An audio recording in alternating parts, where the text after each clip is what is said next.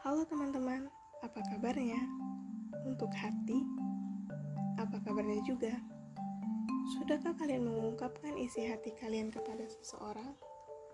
Jangan takut untuk mengungkapkannya ya.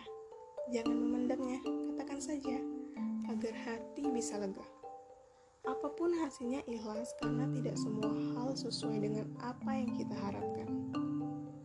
Sebagai manusia kita punya hak untuk berpendapat.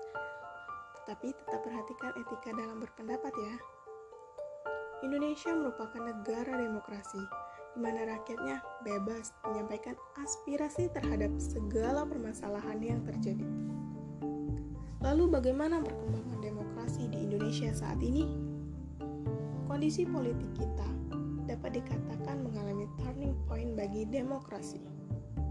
Kondisi ini tercermin dari upaya pemerintah mengeluarkan berbagai kebijakan kontroversial yang kemudian ramai disoroti dan dikritisi oleh masyarakat.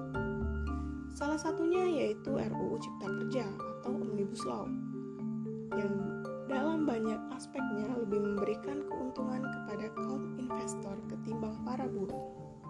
RUU ini telah memicu ribuan mahasiswa di seluruh Indonesia untuk kembali ke jalan meski kemudian berhasil diredam oleh aparat, sebagian dilakukan dengan menggunakan kekerasan.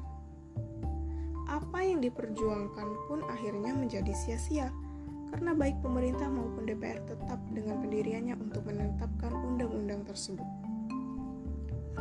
Ini juga menjadi sebuah indikasi kuat adanya pelemahan peran mahasiswa sebagai kalangan muda kritis yang biasanya selalu diharapkan menjadi agent of change. Sementara itu, RUU ini telah memicu perlawanan terutama dari kalangan buruh. Kehadiran RUU kontroversial itu pada banyak aspeknya jelas tidak aspiratif jelas lebih mengakomodir kepentingan para oligarki.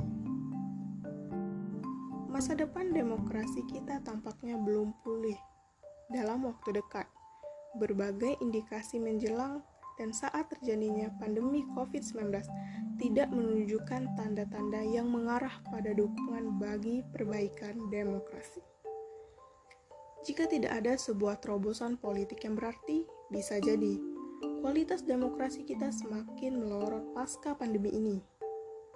Munculnya berbagai regulasi yang bernuansa sentralisasi kekuasaan, selain juga karakter demokrasi kita yang mengarah pada post-democracy dan situasi politik yang tengah berjalan saat pandemi menjadi persoalan-persoalan demokrasi kita hari ini. Belum lagi kondisi kehidupan ekonomi yang makin melemah dan potensi renggangnya kohesi sosial yang dapat memperburuk situasi. Kerja kolektif para pihak yang peduli terhadap kualitas kehidupan demokrasi harus semakin digiatkan sebagai bentuk tanggung jawab moral dan konstitusional anak bangsa. Terima kasih.